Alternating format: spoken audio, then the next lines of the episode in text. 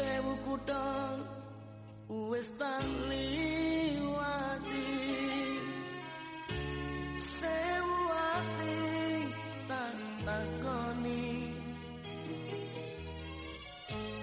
Nanging kabeh padha ora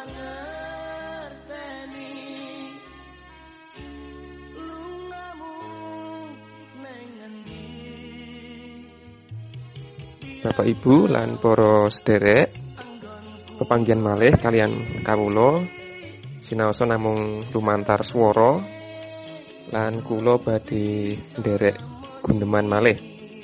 Nah, sak mangke kula mboten piyambakan sampun wonten kanca kula inggih menika Pendeta David Pratama Putra ingkang sak mangke relados wonten ing GKJ Ceper wonten ing tlatah Klaten.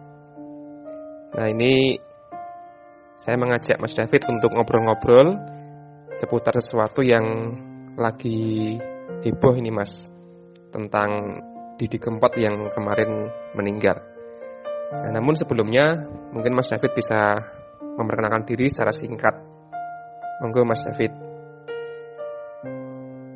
Selamat pagi Pak Pendeta Argo yang dikasih Tuhan dan juga selamat pagi saudara-saudara semua yang menyimak dan mendengarkan siaran ini. Ya seperti apa yang Pak Pendeta Argo tadi ngendikake, saya saat ini melayani sebagai pendeta di GKJ Ceper. Mari kita bersama-sama belajar tentang topik pada hari ini. Nggih, eh, Mas David ini juga sedang menjalani studi lanjut di Sanata Dharma Yogyakarta di fakultas atau jurusan napa Mas? Religi budaya napa nggih? Niku napa to niku kok enten religi budaya? Religi niku kan agama, budaya niku kabudayan. Nah, kok enten fakultas atau apa namanya jurusan religi dan budaya niku sing disinau napa niku? Ya saat ini saya etok-etoke belajar lagi, studi lagi di IRB Ilmu Religi dan Budaya. Tapi untuk saat ini nama IRB itu diubah. Bukan IRB tapi Ilmu Kajian Budaya. Jadi religinya dihilangkan. Tapi bukan berarti dengan hilangnya religi itu di IRB atau Ilmu Kajian Budaya tidak mempelajari religi itu hanya kebijakan dari pemerintah saja, tetap religi menjadi bagian atau ciri khas dari kajian budaya yang dipelajari. Tentang apa yang disinaoni atau dipelajari di IRB, memang ada tiga dasar yang kami pelajari. Yang pertama adalah tentang Marxis, kemudian yang kedua semiotika, yang ketiga adalah psikoanalisa. Nah, Marxis ini belajar tentang pertukaran, ya, terkhusus tentang hal ekonomi. Kemudian semiotika ini belajar tentang bagaimana sih kita berhubungan, berkomunikasi dengan orang lain. Dan psikoanalisa di sini kita belajar tentang yang yang ada di dalam diri kita yang tidak kelihatan yaitu bagaimana kita punya jiwa ya, terkhusus kaitannya dengan kehidupan bersama di kehidupan sosial ini bagaimana kita mengalai, menganalisa mempelajari tentang kejiwaan sosial bagaimana kehidupan bersama ini bukan hanya yang kelihatan saja tapi juga ada yang tidak kelihatan yang yang penting untuk dipelajari nah kira-kira itu yang menjadi kajian atau pokok-pokok pembelajaran di ilmu kajian budaya. Oh, nggih, ilmu kajian budaya. Wah, nek rungokke penjelasan jenengan kok ketok menarik gitu ya. Dan nah, obrolan kita Mas David itu juga terkait barangkali dengan bidang studi yang sedang Mas David eh, tekuni gitu ya tentang kajian budaya. Tadi ada psikoanalisa, lalu ada komunikasi. Nah, ini fenomena-fenomena yang terjadi dalam kehidupan kita kan sebenarnya juga fenomena budaya. Nah, termasuk ada budaya yang belakangan ini apa namanya sangat populer yang dibawa oleh seorang musisi Jawa yang nama panggungnya adalah Didi Kempot. Nah, itu kan terkenal di hampir semua kalangan dari orang miskin sampai pejabat yang kaya menikmati lagu-lagunya Didi Kempot dari orang desa sampai orang kota dari anak-anak sampai simbah-simbah itu apa namanya rata-rata kenal gitu ya. Dan pengaruhnya luar biasa itu. Nah kalau dari mungkin sudut pandang budaya itu kan mungkin ini mas kita ngobrol soal musiknya dulu ya. Nah enten saya ngomong di Kempot niku musiknya campur sari enten sing Mas Tani oh iki pop Jawa atau Jawa pop ada yang mengatakan ini musiknya itu Jawa kontemporer dan sebagainya lah. Pokoknya namanya macam-macam. Tapi eh, apa namanya? Kenapa kok musiknya itu bisa merakyat gitu ya? Eh, kalau dibanding dengan musik-musik Jawa yang pakem gending gamelan itu kan mungkin tidak terlalu populer. Tapi ini Didi Kempot berhasil apa namanya uh, naik daun dengan membawa pilihan musik yang yang populer gitu. Nah, ini dari sisi musik nih pripun menurut Mas David?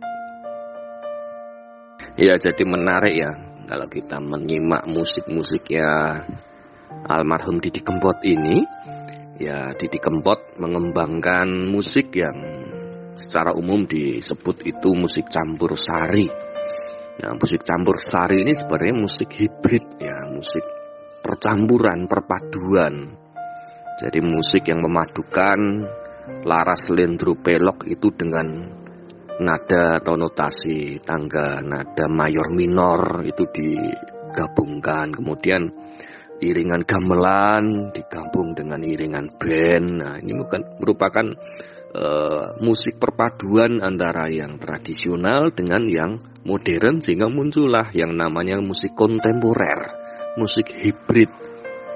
Ya sebenarnya musik atau aliran campur sari ini sudah ada sejak tahun 80-an dan kalau saya melihat ini ada tiga gelombang, tiga generasi besar perjalanan campur sari di Indonesia yang diawali dari Kinarto Sabdo yang mencoba untuk mengubah tradisi pakem langgam Jawa menjadi sesuatu yang bisa diterima di kalangan anak-anak muda. Nah, Kinarto Sabdo itu kan kita mengenal dengan beberapa tembangnya Caping Gunung, lalu Ojo Dipleroi, ada apa Kelinci Ucul yang yang hingga saat ini masih sering dinyanyikan di kelompok-kelompok campur sari. Nah, ini awal bagaimana perjumpaan dari musik-musik Jawa klasik, musik-musik langgam, selendro, pelok itu berjumpa dengan musik-musik modern yang akhirnya muncullah campur sari dan kemudian itu dikembangkan oleh mantos. Jadi gelombang kedua, generasi kedua itu ada mantos di mana di dalam uh, musik mantos ini juga mengembangkan musik campur sarinya Narto Sabdo yang yang lebih modern tentunya.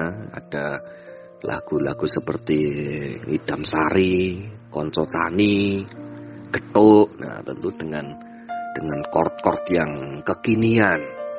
Nah gelombang ketiga, gelombang selanjutnya ini dari dua dasar tadi Kinarto Sabdo kemudian dikembangkan oleh Mantos, nah, kemudian dikembangkan lagi oleh Didi Kempot tentu dengan warna corak yang lebih populer, corak yang lebih lebih dangdut, corak yang lebih lebih modern.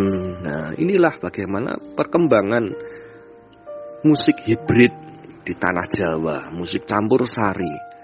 Dampaknya apa? Dampaknya memang ini luar biasa. Di satu sisi e, musik campur sari ini bisa diterima di seluruh kalangan masyarakat bukan hanya kalangan yang sepuh-sepuh saja. Anak-anak muda pun bisa ikut merasakan menikmati campur sari.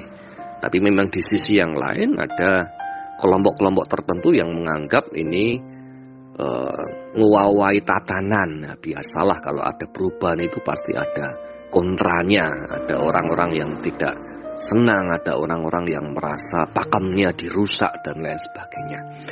Nah, menarik kalau kita lihat secara global tahun 80-an ini juga terjadi semacam apa ya? Uh, gelombang baru di daerah Eropa, Amerika dengan munculnya yang namanya musik fusion. Jadi fusion itu merupakan musik hibrid antara jazz dengan rock serta pop muncullah musik fusion. Nah, fusion ini berkembang ya seperti campur sari. Kalau di barat itu ada fusion, di di Jawa ini ada campur sari. Waktunya sama sekitar tahun 80-an dan itu benar-benar menjadi fenomena di mana masyarakat kemudian bisa menerima yang tadinya jazz hanya dinikmati orang-orang yang yang segmen tertentu saja, segmen yang sangat sempit saja, ketika berubah jadi fusion itu banyak orang bisa menerimanya karena lebih ke pop, lebih ngerok, lebih easy listening. Nah inilah bagaimana campur sari merupakan fenomena yang kemudian menjadikan anak-anak muda saat ini pun bisa merasakan, bisa menikmati alunan Jawa, alunan uh, selendro pelok yang dilaraskan dengan uh, tangga nada mayor ataupun minor melalui tadi ada uh, Kinarto Sabdo, kemudian ada Mantos dan kemudian Didi Kempot, kemudian nanti generasi selanjutnya siapa kita belum tahu. Nah, inilah kekuatan campur sari yang kemudian dimiliki oleh masyarakat, yang kemudian membuka diri bagi semua kalangan. Saya kira ini kekuatan yang luar biasa dari musik hibrid yang bernama campur sari. Oh, ngoten nggih Mas Wah, jebule sejarah nggih menarik tenan ini Bu. Kalau nggih nembe ngerti nek campur sari niku nggih enten tiga gelombang, Kinarto Sabdo, Mantos, Didi Kempot. Dan ternyata juga 80-an adalah tahun di mana terjadi fenomena budaya, musik hibrid, musik campuran. Tidak hanya satu aliran atau satu pakem, namun juga digabung dengan uh, langgam atau irama atau genre yang lain gitu ya.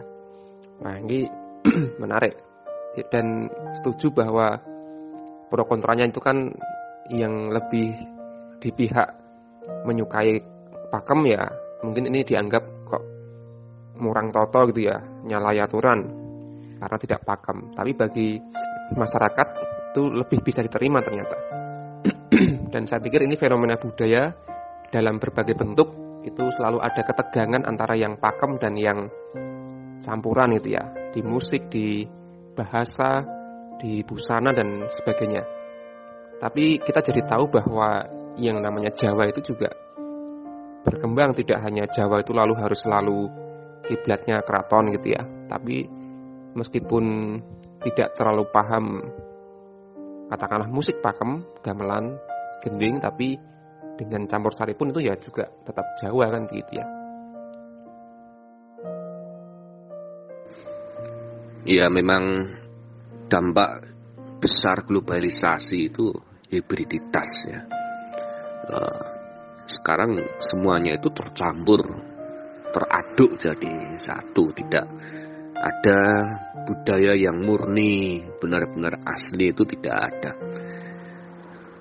Apa yang kita jumpai saat ini semuanya sudah sudah campuran. Seperti bahasa yang kita gunakan saat ini pun kan juga campuran. Uh, ada Indonesianya, ada Jawanya, ada Inggrisnya. Jawanya pun juga Jawa yang yang tidak seperti zaman dulu Jawa yang sudah tercampur dengan hal-hal yang uh, baru. Nah, memang hibriditas ini merupakan bagian yang harus kita terima saat ini. Oke, Mas David. Uh, lalu selain musik yang menarik dari fenomena Didi Kempot almarhum adalah lirik atau syair.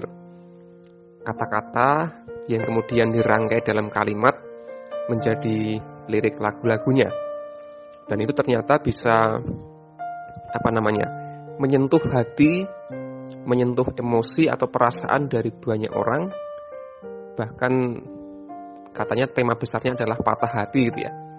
Orang-orang yang diselingkuhi, orang-orang yang menunggu kekasih tidak kunjung datang, yang mencari tidak kunjung ketemu, atau yang ditinggal pergi tidak segera kembali, atau macam-macam. Pokoknya kenyataan-kenyataan pahit yang memang sehari-hari dirasakan oleh rakyat jelata itu. Ya. Nah itu tentang temanya yang muncul dalam lirik. Namun juga yang menarik adalah Didi Kempot itu acap kali me, apa, memasukkan nama-nama tempat atau lokasi yang bisa membangkitkan juga imajinasi dari pendengarnya. Ada stasiun balapan, ada terminal Tirtonadi, ada pelabuhan Tanjung Mas, ada gunung api Purba, Ngelanggeran, uh, nah macam-macam lah, pantai Kelayar dan sebagainya. Jadi tempat-tempat yang memang menjadi apa namanya dan itu nyata ada tempatnya ada dan dan nampaknya tempat-tempat itu tempat-tempat yang unik nah tempat bertemu tempat berpisah tempat yang membuat kita rindu pada seseorang dan sebagainya. Nah, itu muncul dalam lirik yang menurut saya bisa apa ya menyentuh uh, aspek emosional atau mungkin psikologis tadi yang kalau Mas David sinau psikoanalisa barangkali bisa melihat dari sisi itu.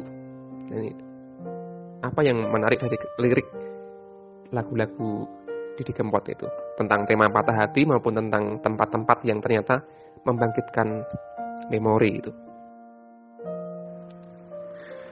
ya berbicara tentang lirik ya syair nah, Didi Kempot ini berusaha untuk me menghidupkan situs-situs atau tempat-tempat di dalam lagunya dengan narasi atau cerita. Jadi ibarat orang bercerita itu tidak nggambiang, tidak ada di awang-awang, tapi ibarat orang bercerita, orang bernarasi itu dibumikan dengan mengambil setting tempat seperti terminal, seperti stasiun, seperti jalan dan lain sebagainya. Nah, inilah bagaimana kekuatan dari lirik-lirik Didi Kempot yang tidak abstrak, yang tidak ada di awang-awang tapi dengan adanya tempat-tempat yang digunakan sebagai setting itu bisa bisa menjadi memori tersendiri bagi orang yang pernah lewat tempat itu, orang yang tinggal di tempat itu. Nah, jadi ini merupakan kekuatan dari lirik-lirik di Kempot yang membawa serta tempat situs ke dalam sebuah lagu sehingga tempat itu punya punya cerita. Nah, selain tempat sebenarnya di Kempot pun sering kali memakai simbol-simbol dalam lagu-lagunya dari benda-benda di sekitar kita.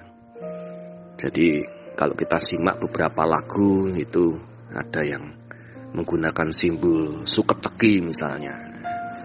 Suketeki itu disimbolkan sebuah perasaan yang yang kecewa, yang gelo.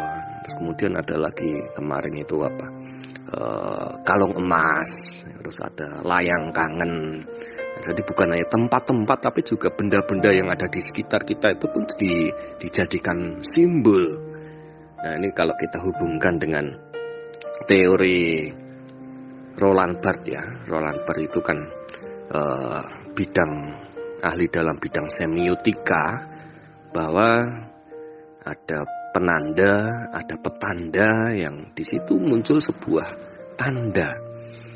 Nah, kalau Didi Kempot itu bisa menciptakan penanda-penanda yang yang membuat orang mendengar penanda itu menjadi terenyuh. Nah, kalau saya sederhanakan begini, orang jatuh hati itu biasanya disimbolkan dengan simbol bunga. Nah, orang memberikan bunga itu kan penanda untuk mengungkapkan cintanya.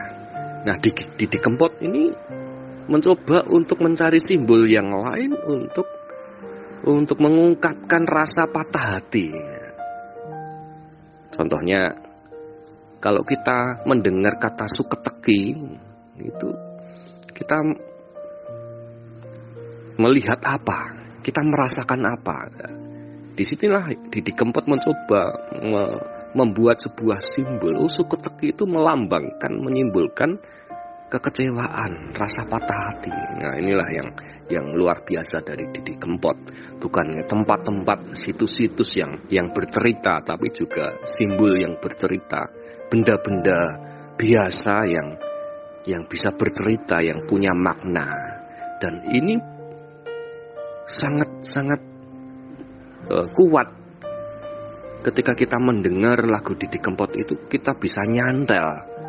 Itu tidak sepintas lalu tapi itu bisa membekas ya. Karena itu benar-benar membumi. Kita bisa memahami oh ini ada tempatnya di situ. Oh ini ada bendanya. Ada uh, sesuatu yang yang nyata dalam hidup ini. Nah berkait dengan tadi psikoanalisa sebenarnya ini agak rumit ya jadi lagu-lagu di Kempot itu seperti cermin di mana orang-orang yang mendengarkan itu seperti bercermin dan ketika bercermin, nah ini ada teori lagi dari Lakong. Jadi Lakong itu mengungkapkan fase ketika orang bercermin itu orang tersebut menjumpai subjek yang berbeda dari dirinya. Nah ini memang agak agak susah dipahami ya. Jadi orang yang mendengarkan lagu-lagu Didi Kempot itu seperti mendengarkan sesuatu yang kemudian bisa direfleksikan dalam dirinya dan orang itu bisa mengambil makna. Nah, orang itu bisa merasakan sesuatu. Orang itu bisa bisa ditemani. Orang itu bisa bisa memiliki sahabat. Sahabatnya siapa ya?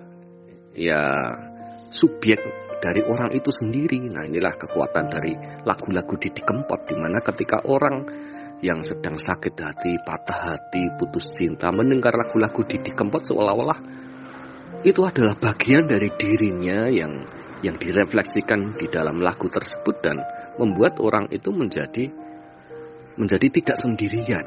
Nah, inilah yang hebat dari syair-syair Didi Kempot dan ternyata berkaitan juga dengan teori-teori budaya seperti semiotika, tanda petanda tadi dan juga berkaitan juga dengan psikoanalisa. Orang-orang yang mendengarkan itu ternyata bisa mengambil makna di mana dirinya kemudian berubah menjadi tidak sedih lagi tapi ada ada penawar kesedihan yang ada di dalam lagu-lagu Didi Kempot. Oh iya iya iya. Wah ini menarik sekali nih apa yang diungkapkan oleh Mas David ini ya. Jadi selain uh, kekuatan ada pada musiknya, kekuatan lagu-lagu Didi Kempot juga ada pada liriknya yang mengangkat hal-hal yang akrab dalam hidup manusia, entah tempat, entah benda-benda, simbol-simbol, penanda-penanda yang ternyata uh, membuat lagu-lagunya itu memang mendarat, tidak di awang-awang. Wah ini luar biasa. Dan juga ada fenomena yang menarik gitu ya Mas David, ketika uh, biasanya kan di dalam kultur atau budaya tertentu orang laki-laki itu uh, apa ya dilarang atau mungkin saru kalau sedih atau bahkan menangis gitu ya.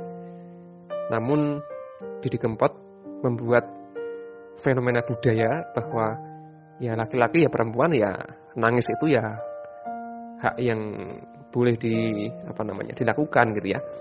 Ya cowok pun nangis nggak apa-apa, itu memang kenyataan dan kalau saya melihat beberapa klip konsernya di Kempot itu juga eh, kadang-kadang uh, yang nangis ngeru-ngeru itu malah sing lanang-lanang gitu ya. Jadi ini juga menurut saya uh, meluapkan emosi yang yang ternyata melegakan dia. Dan tadi pendengar merasa ditemani oleh lagu-lagu Didi Kempot. Namun pertanyaannya apakah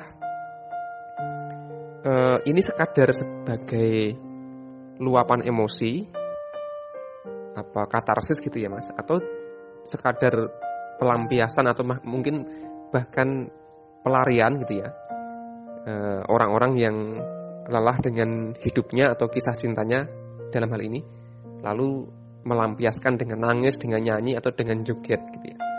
Tapi eh, apakah itu berarti orang itu lari dari masalah? Dan kemudian ya masalahnya nggak rampung nggak diselesaikan. Ya bagian yang saya rasa mengganjal dari syair-syair di Kempot ini seperti yang tadi Pak Benito Argo katakan lalu setelah itu mau apa? Nah, jadi banyak lagu-lagu di Kempot yang hanya menawarkan hanya mengungkapkan rasa sakit hati. Tapi tidak tidak mengungkapkan solusinya bagaimana. Bahkan beberapa lagu ada yang terus ngenteni kue masih mengharapkan cinta. Nah, inilah hal yang sebenarnya perlu juga untuk kita kritisi ya. Jadi di satu sisi kita memang mengapresiasi sangat besar apa yang menjadi karya uh, almarhum Didi Kempot tapi di sisi yang lain ya kita jangan mendewakan lagu itu. Jangan mendewakan karya itu tetap saja karya manusia itu ada. Ada sisi-sisi yang yang tidak bisa sempurna. Seperti tadi saya ungkapkan karya-karya Didi Kempot ini memang menemani kita dalam sakit hati yang mendalam tapi uh, tidak menawarkan solusi mungkin kalau kita melihat atau mendengar lagu-lagu yang lain banyak lagu yang yang mencoba menguatkan orang yang sakit hati Nah, jadi jangan hanya mendengarkan lagu Didi Kempot saja kalau menurut saya. Kalau kita mendengarkan lagu Didi Kempot saja ya ya kita akan terhanyut dalam rasa sedih itu terus menerus. Ya kita harus mendengarkan lagu-lagu yang lain lah lagu-lagunya Dewa misalnya. Hidup adalah perjuangan. Nah, dengan demikian kita uh, memperkaya diri kita. Oh, bukan hanya rasa sedih saja tapi uh, kita punya harapan, kita punya cita-cita, kita punya masa depan yang harus kita perjuangkan. Oke, yang terakhir Mas David, uh, yang menarik juga adalah uh, kemudian muncul sebuah kata yang lalu menjadi sangat terkenal yaitu ambiar yang dalam lagu-lagu Didi Kempot itu sangat terkenal. Bahkan kemudian para penggemarnya diberi julukan Sobat Ambiar.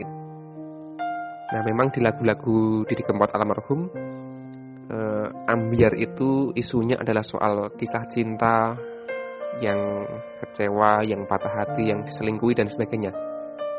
Atau menunggu penantian yang tidak kesampaian dan macam-macam lah. Namun ambiar kan juga sesuatu yang terjadi bukan hanya dalam kisah cinta manusia tetapi juga dalam hal-hal yang lain Nah, terhadap fenomena ambiar ini kemudian menariknya adalah ambiar tidak ditutup-tutupi, tidak dianggap tabu gitu ya, tetapi justru ada yang bilang melalui lagu-lagu Didi Kempot, ambiar ini justru dirayakan, diberi ruang, diberi panggung. Nangiso tak kendangi gitu ya. Nah, jadi ketika orang menangis, meratap itu ya silahkan diungkapkan saja malah dikendangi nah, diiringi musik gitu ya atau dijogeti ya dengan goyang bareng-bareng ini kan menarik ya nah mungkin ada refleksi singkat terkait dengan fenomena ambiar ini termasuk mungkin bagi gereja gitu ya jangan-jangan eh, Didi Kempot dan lagu-lagunya malah berhasil memainkan peran yang semestinya diambil juga oleh gereja gitu ya, mendampingi, menemani orang-orang yang ambiar. Dan ini kan menarik kalau kita kemudian bisa belajar dari Didi Kempot. Iya, kalau kita melihat apa sih yang bisa kita pelajari, yang bisa kita refleksikan dari perjalanan Didi Kempot di uh, pelayanan gereja. Ya tadi di awal kita sudah berbicara yang pertama itu tentang hibrid ya, budaya hibrid itu tidak bisa kita lepaskan dari pelayanan gereja juga. Jangan kemudian uh, kaku-kakunan antara yang muda dengan yang sepuh. Nah, biasanya di gereja-gereja kan seperti itu. Yang muda-muda kepengen ben-benan, yang sepuh cukup origin saja. Ya, mari kita ciptakan budaya hibrid tadi, campur sari. Sehingga campur sari itu yang muda menerima, yang sepuh juga bisa bisa menerima. Nah, inilah salah satu hal yang bisa kita pelajari dari musik di Kempot. Nah, yang kedua tentang tadi liriknya yang menyentuh orang-orang yang ambiar atau sobat ambiar. Ini sebenarnya sebuah pastoral yang sangat kuat sekali bahkan pastoralnya Didi Kempot ini melebihi pastoral dari pendeta-pendeta yang yang hadir. Ya, jadi banyak jemaat kita yang merasa ditemani dengan adanya lagunya Didi Kempot karena memang ya keterbatasan uh, pelayan ya, keterbatasan majelis memang tidak bisa menjangkau uh, melawat umatnya satu-satu. Tapi dari sini kita bisa belajar tentang bagaimana Didi Kempot itu melihat mereka yang menjadi korban ya, mengangkat mereka yang menjadi korban sehingga orang-orang yang tersakiti itu adalah korban yang yang harus di harus diberikan semangat yang harus di uh, yang harus di apa ya kalau tadi dikatakan merayakan kesedihan. Ya memang di situlah tempat uh, pastoral yang seharusnya. Ketika pastoral terjadi itu jangan hanya melihat mereka yang senang saja tapi kita harus melihat mereka yang menjadi korban mereka yang terdampak. Ya, ini gojekan ya ketika ketika ada mantenan kita biasanya hanya melayani yang yang diberkati nikah saja. Kita melayani katekisasi dan lain sebagainya sampai biston ataupun resepsi. Ya, pernahkah kita berpikir ketika ada mantenan itu adakah mantan yang dikecewakan?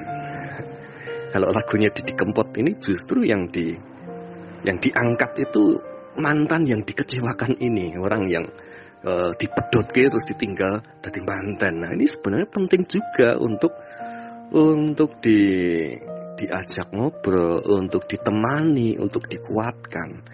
Jadi ini adalah gambaran bagaimana gereja pun juga harus hadir dan hadirnya jangan terlalu kaku, jangan kemudian hadir terus kemudian uh, doa terus kemudian baca kitab diajak ngidung dinasihati ini itu saya kira itu adalah e, cara pastoral yang klasik ya. Kita mencoba e, cara pastoral yang baru ya ya bagaimana kita ajak saja mungkin mendengarkan lagunya Didi Kempot ya, atau mungkin kita mendengarkan lagu-lagu e, yang bisa menguatkan ya. Bukan hanya lagu rohani sebenarnya banyak lagu-lagu yang dikatakan orang lagu duniawi itu yang punya muatan rohani yang jauh lebih kuat dari lagu-lagu rohani.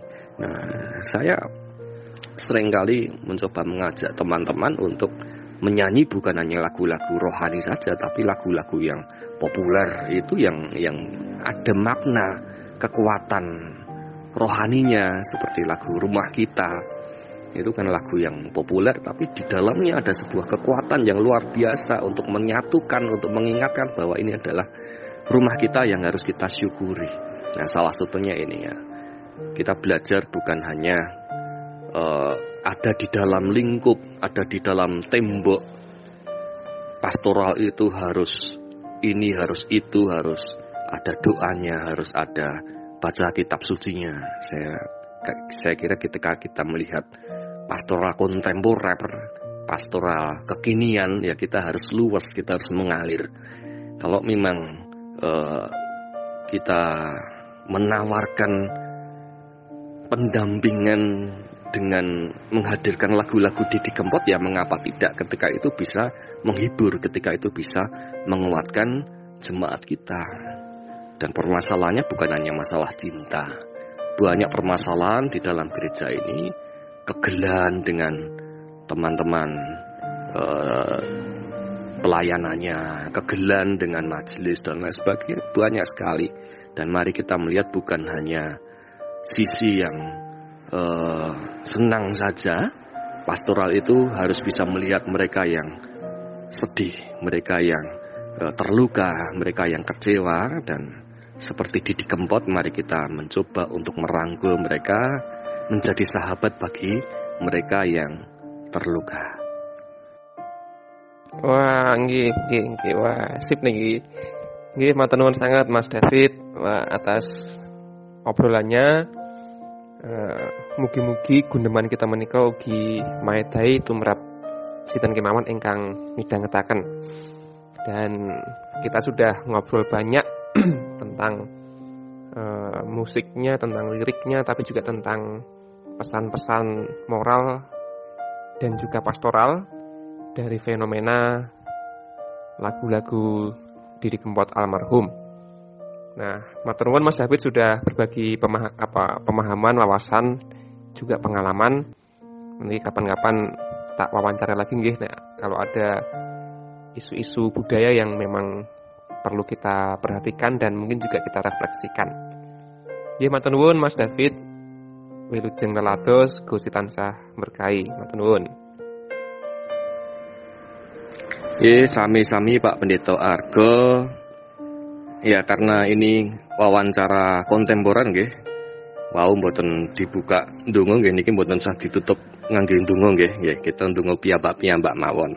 Nggih matur nuwun para sederek sedaya ingkang sampun midhangetaken menapa ingkang dados pirembakan menika nggih mugi-mugi menapa ingkang dados pirembakan ing wawancara menika saged dados berkah saged dados pepadang lan nyuwun pangapunten bilih kathah. Kalepatan klentah-klentu anggen kawula matur wonten ing pirembagan menika. Gusti berkahi kita sedaya